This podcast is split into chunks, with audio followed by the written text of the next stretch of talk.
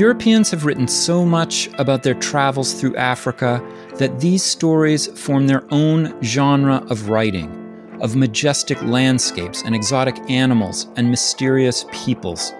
So, what does Africa look like from the perspective of a travel writer who is African?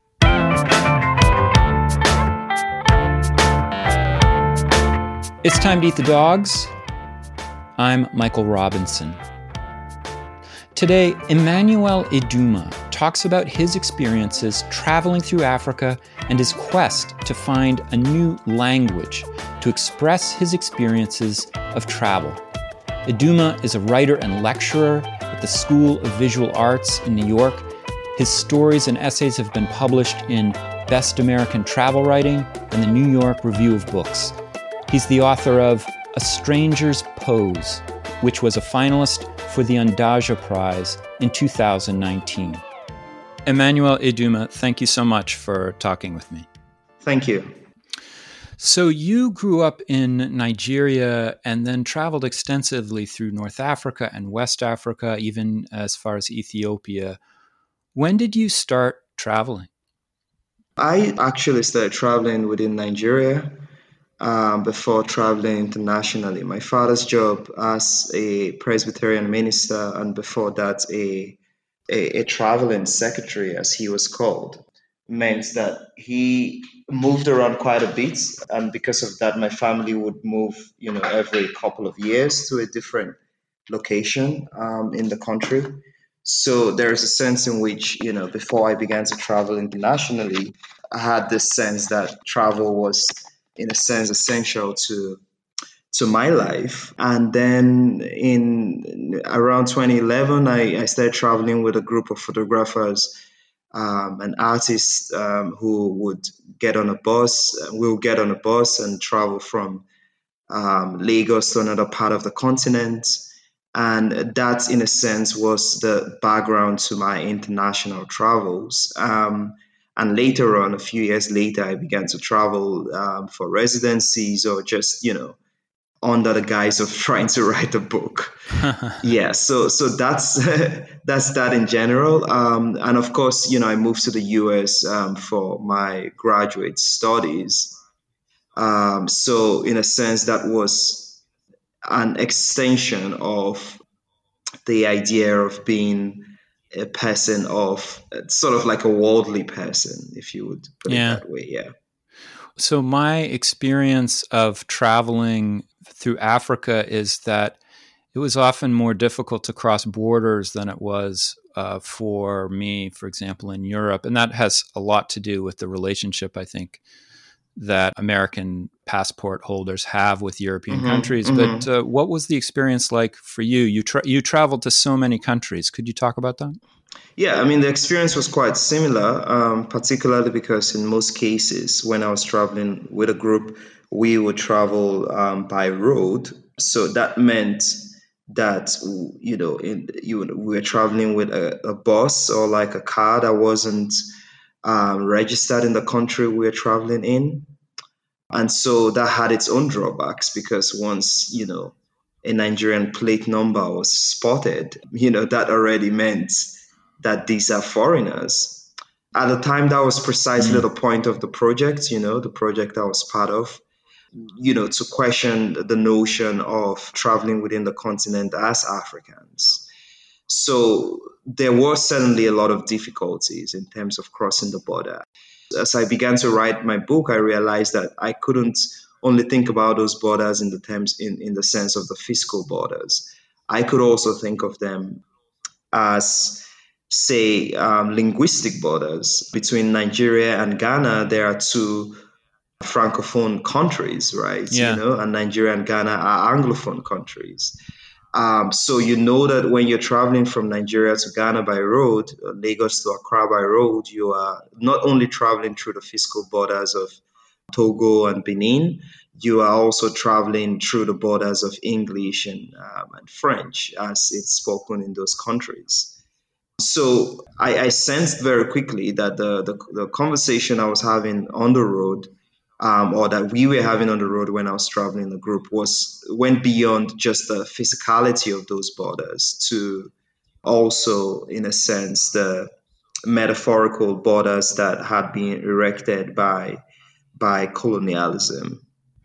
That's so interesting to me. First of all, because I think um, one of the great tropes of uh, travel writing about Africa is to view the continent in terms of race, so certainly for Anglo American and European writers, mm-hmm. to see the continent through the lens of race. And you speak about it almost entirely through the lens of language. And, uh, mm. to, and it was interesting. To also, I had um, one of my colleagues, Joyce Ashuntantang, who's from Cameroon, but she's from the English speaking mm. part of Cameroon, yeah. also spoke about travel within Cameroon through the lens of language.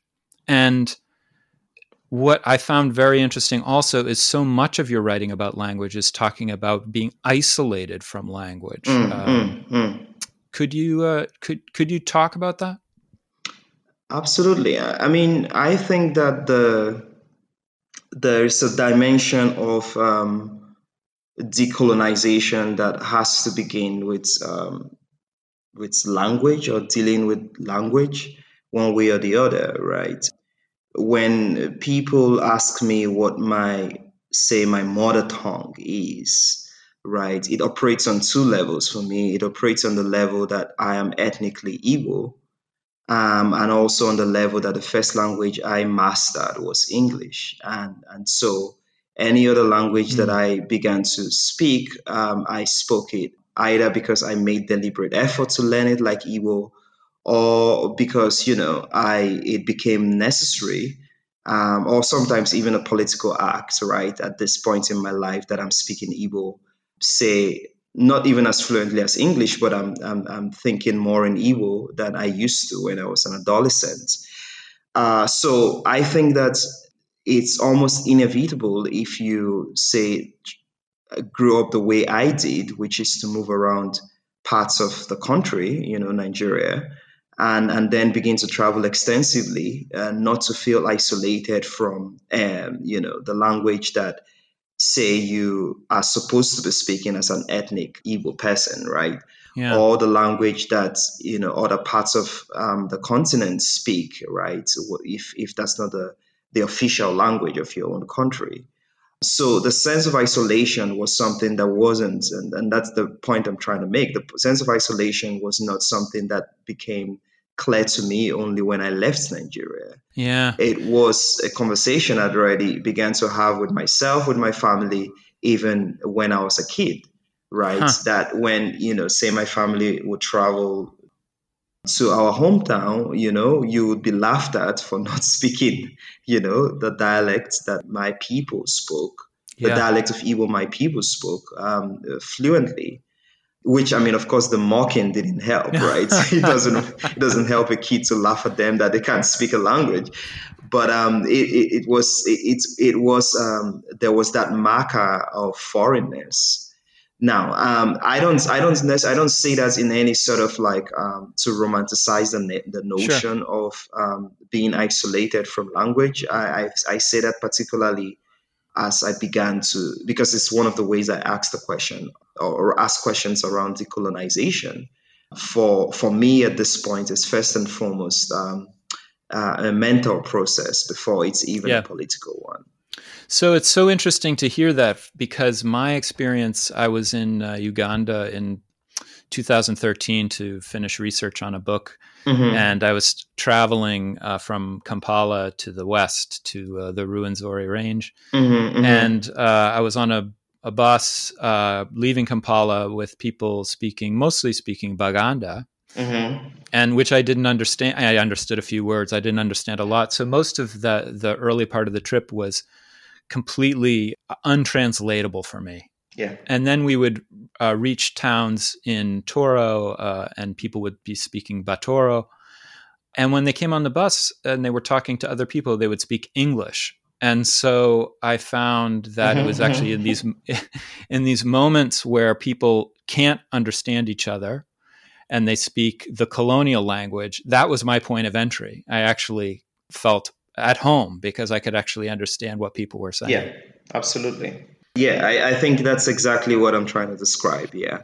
So one of the other things that I found so interesting about the book was that you're meeting other travelers, but often these travelers are they're focused on very different goals than you are. Um, you meet a lot of people trying to migrate to Europe, and that's a very difficult task. Mm. And it was so interesting to me as somebody who's worked on Africa which has been described, you know, through the 19th century as a closed continent, as a dark continent. But in a way, listening to these or to hear you describe the journey of these migrants who are living such precarious lives, so dependent upon learning language, and then taking these horrifically dangerous trips, that it seemed almost reversed that Europe is closed and it's kind of a, a dark world when seen from the perspective of Africa. Absolutely, um, I, I, think that that's that's a fair characterization, right? Um, because the, the the, the the one thing that became clear to me, you know, when I was meeting people trying to go to Europe, say in in, in Mali or in um, in Morocco uh, was that they they knew that to get to Europe was not to get to the best of lives, right? Mm. That there was a sense in which the, the journey would continue from there mm. to some degree. Even if they settled in those countries, they knew that they had left behind a sense of belonging. And this is my own this is my own estimation. I've never been on that journey, but I sensed that. I sensed that they knew that they were leaving something precious behind. Huh. But that the alternative, um, which was to remain in those in, in their home countries, was unimaginable, mm. right? Um, and and for some people, they had um, they had set out, say years before, a few years before, and it was inconceivable to return, right? So it's almost like being. Um, I, I remember a conversation I had with someone in in Morocco at the time who was research, who was a PhD student uh, based there, and he, he talked about the idea of purgatory, um, which was very apt in, in, in in the sense of you know what people what I sensed people were experiencing that you're not in heaven, but you you know you've left hell as well, right? Yeah. And so you're in this in this middle zone of um, of just trying to to get to the place where you've defined as um, the, the so-called end of your journey, mm. which, as you rightly pointed out, they knew, um, as someone said to me, the sea is the only way. Even if they, had, they knew that few people had left last week and, and didn't didn't make yeah. it. Uh, so there was no, and this is very important to highlight because I feel that the way in which this is often covered, or this was covered in 2015 and 2014, you know, at the height of the crisis, it seemed that people were, were thinking that these migrants did not understand the precarity of huh, their journeys. Yeah. Right. Um, or they, they, they felt they were naive about they were naive about the dangers. No, they weren't. Um, many of them had simply got into a point where to return was almost inconceivable. Yeah. Um, and, um, you know, they had to keep going.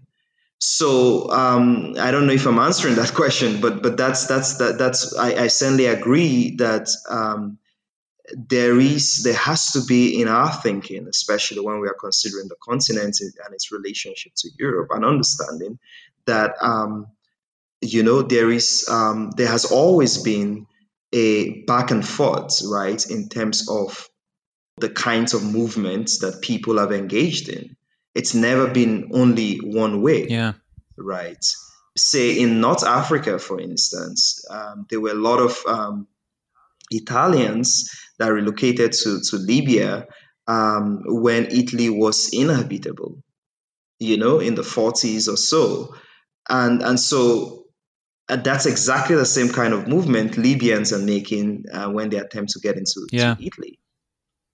So uh, you meet Malick Sidibé mm. as an old man. He's a world renowned photographer from Mali who's famous for uh, photographing popular culture in the 1960s.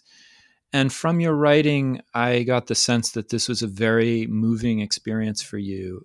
Mm. What happened in your meeting with him and why did it affect you? Um, I think it was the sense of contentment that I felt that he had about his work, about life, about his place in the world, um, about his mortality, even. It was, I think, less moving to me as a, a, a student of photography than as a young man meeting an old man. And I, I think that when you meet someone like that, who, in a sense, and if you, I mean, if you know the story, he didn't set out to make photographs that were um, sort of like artworks, right? He set out to just be set, sort of like a witness to to his his his country's evolution or transition from one phase to the other, transition into into um, some kind of um, modernity and and so he was not i sensed that he was ultimately someone who was interested in just expressions of joy and that when it came to the point where he was old and um, in a sense was facing his own death um, he he seemed content to me mm. and when you combine that that sense of contentment that i perceived with the kinds of images he made which were images of of joy, of happiness, of dancing, of you know young people, um, you know the allure of youths and all that, right? It produces what I what I said thinking of as a philosophy of happiness, right? Hmm. That in the in the sense ultimately what Sidibé became to me at that point was a true philosopher of happiness because he says this, you know, in that meeting that I am I am very happy. Huh. Also, because this was passed um, to me in translation again, I was very, um, I think the, the most important thing for me at that point was to observe this man, right? And, and look at him. And especially because, you know, um, his eyesight had failed at that point and just observe him, right? And, and it, it was a really compelling moment where, as I, as I think I write, all of all of his lives, all of that moment, the moment of looking at his other photographs were compressed into that moment of experiencing him or seeing him mm. rather um, speak about his work and his philosophy of life. So you wrote an article in LitHub, uh, Literary Hub, the online magazine, titled um, "How to Be an African Travel Writer in Africa." Yeah, and I just want to read a quote from it, which I thought was really kind of interesting. You you write, "Why is Africa always in need of discovery? Mm. And suppose it is true that the Earth's oldest folk need reminding of their prehistoric claim to the Earth. Whose right is it, and who has the credentials to write that story?" Could you describe what you mean in that? Yeah, um, I think the first the first place to begin is you know i'm not actually quite interested in declaiming the work of say you know white men who have written about the continent. That's really not ultimately my interest. Uh, wasn't my interest in writing this piece. It was really um, an interest in finding my own um, in a sense, literary um, genealogy. Yeah. Um, especially one that led to my book, right? So, but then, you know, I yes, I, I point out these two passages from Kapuscinski and Theroux, and um, and I'm struck by the similarity in in their description of say encounters or observations. Um, that there is some kind of um, as I say, you know, a reminder of the fact that Africa is this old place that people need to be reminded of its prehistoricity. Yeah. And um, and and for me, it's and I, it's important for me to uh, uh, you know to reiterate that it's not simply a question of these these men are have some kind of like racial bias or any of that. It's really to say I need to consider how Africa is written about. Mm. And if there is some similarity in the way two Europeans, well, one European and one American, um, write about um, the continent, how differently am I writing about the continent? Um, and so, in my own thinking, in my own work, I, I stayed clear of, say, describing landscape in this almost geological way. I wanted to look at how, you know, people interacted with space, how people traveled within an internal landscape rather than an external one. And this was precisely because I felt that enough had been written about the the ancient landscape of the African continent. Uh, I think we had moved past that. Yeah. yeah. I'd like to give people an example of your writing. Mm-hmm. I was mm-hmm. wondering uh, if you could read from um, chapter 31. Okay. You have a short Thank you for help. chapter where you talk mm. about your grand uncle. Mm.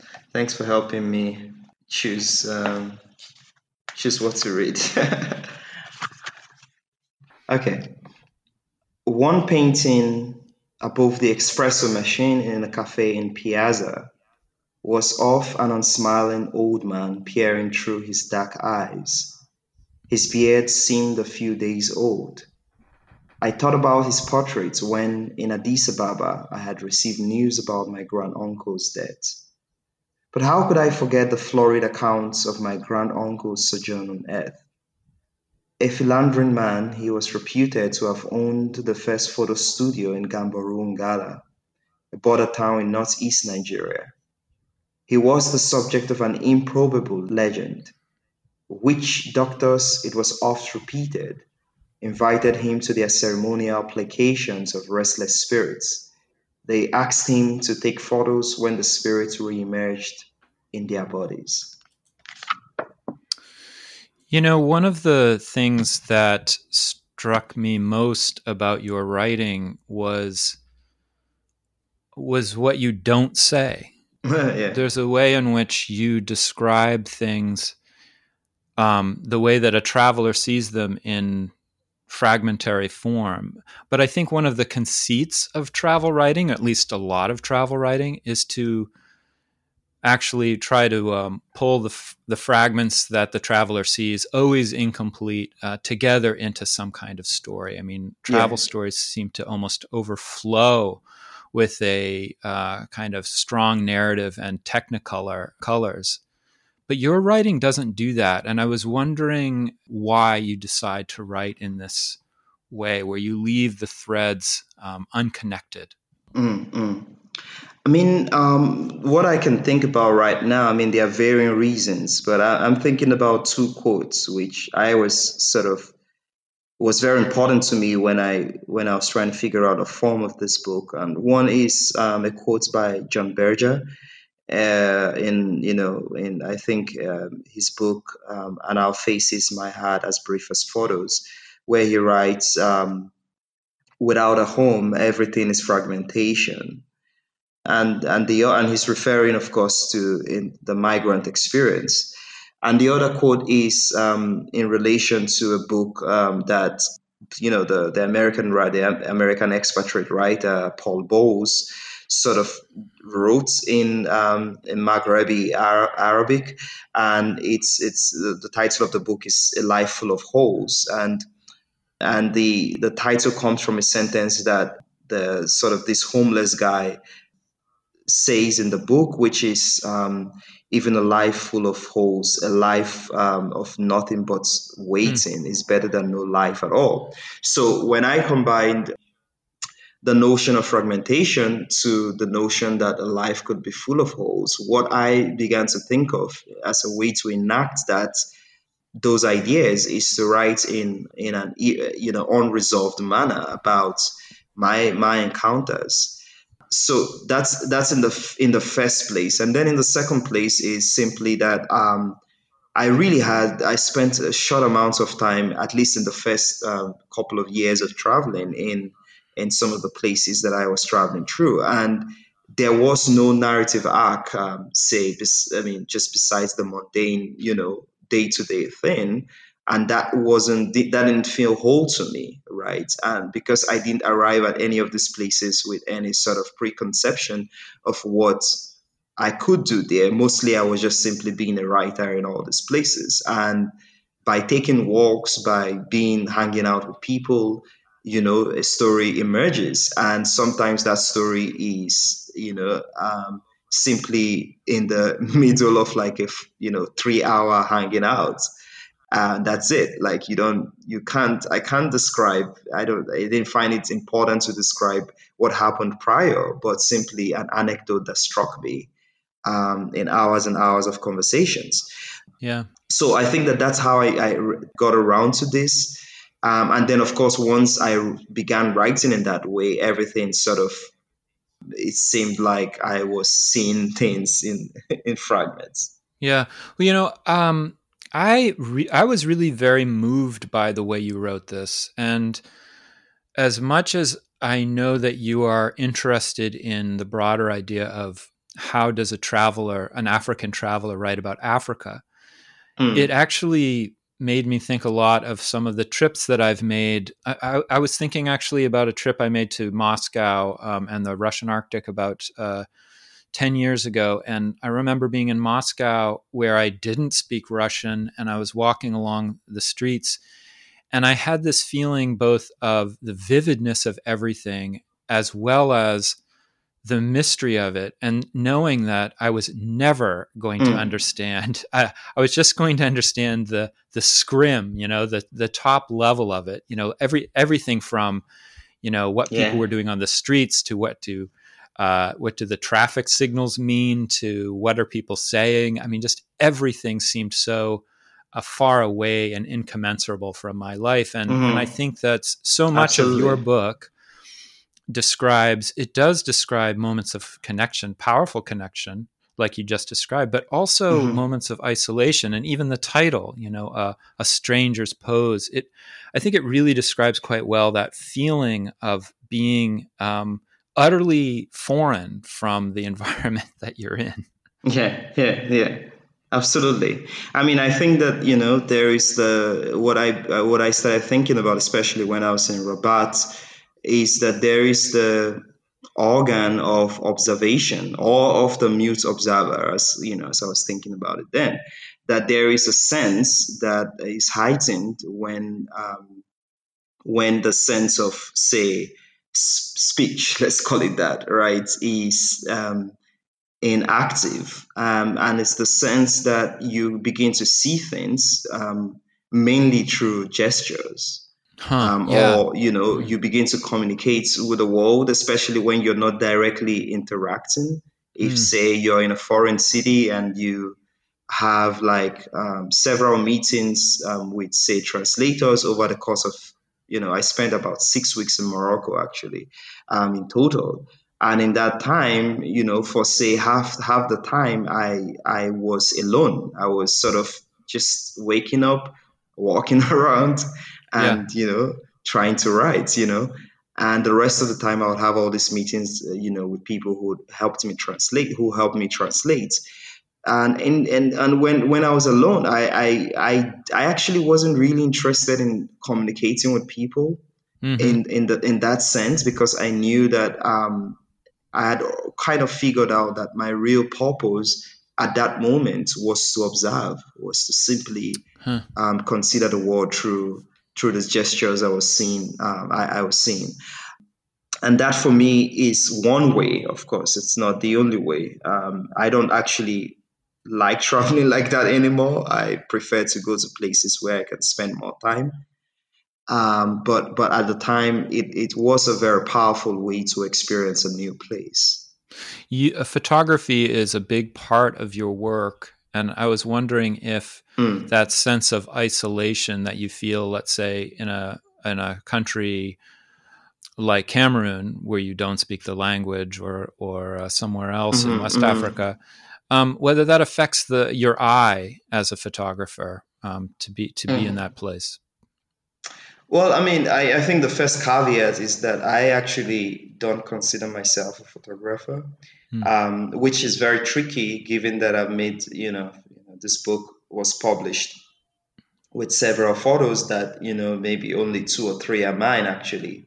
Mm. Um, and and and what I did was to to to use photographs from artists who or photographers who I had worked with or whose work, in a sense, influenced or inspired some of the things I had written, mm. um, and to figure out you know the the permissions and the copyright and all that, right? But I think the more I think about it, the more you know um, I'm asked to think about photography in this book. The more I realize that I was very much walking like a photographer, um, in the sense that I was interested in you know in the momentary, mm. um, the, the decisive or indecisive moments, depending on what school of photography you you you lean towards um, it, it, was it was certainly the momentary, the fact that I I could, in a sense, look at a, be in a place or um, have an encounter, and for it to feel complete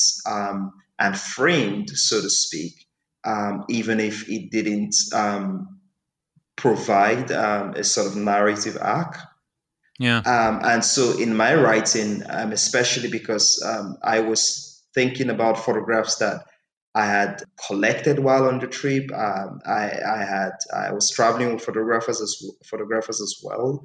So I was thinking very critically about the photographs that have been made of me, of others, and figuring out how to write in response to it, even if it, you know you don't I don't describe the photo, but yeah. most of the uh, you know a number of the passages were written almost like um, in response to specific to a photograph. photographs that yeah that, that might not have been um, included in the book ultimately. Um, for instance, I'm thinking about like um, this work by um, Yto Barrada, who is like uh, this um, Moroccan photographer and artist, visual artist, and she made this um, this project called the Streets Project. This I, I, can't remember the exact title now. I'm, I'm missing out on it, but that was very important for me in trying to think about migration you know, um, because she had photographed like migrants in Morocco. She had photographed people trying to cross over.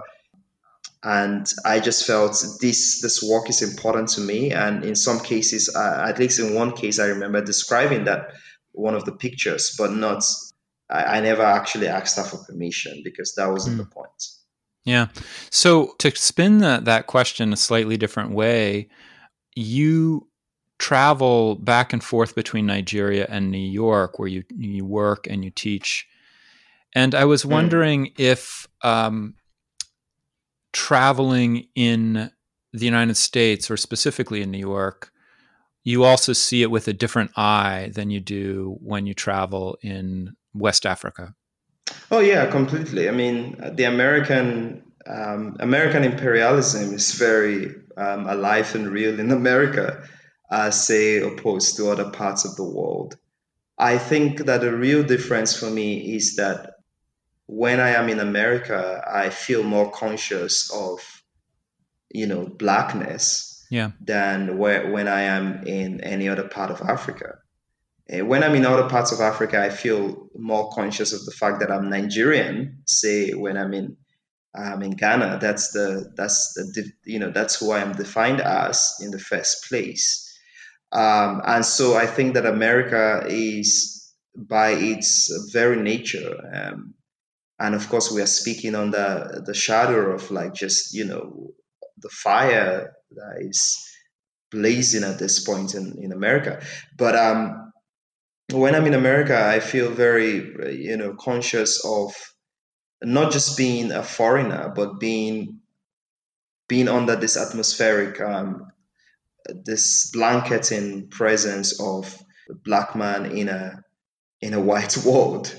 Uh, I mean, there's that that great song by um, uh, Michael Kiwanuka. Mm-hmm. Or, you know, also I'm an African in New York. Like, there are all these songs that I actually always remember when I'm in America. Like, I'm an African. There's a song by Blitz the Ambassador, who is this Ghanaian MC that moved to Brooklyn it's i think that's that's one level of that and i think of course secondly is the fact that i'm trying to figure out the terms what i what i consider as the terms of my belonging yeah um you know and in the sense that because i'm very committed to um, nigerian history nigerian um, nigerian life uh, the nigerian just nigeria as a civilization that shaped me um, when i'm in america I'm, I'm, I'm always asking myself how do I stay informed by my um, Nigerianness while I'm I'm in America? Yeah. And so it's almost like you're in this like you're always asking yourself the question of how do I belong to this place if the, the real sense of belonging I want to feel is to Nigeria. Mm.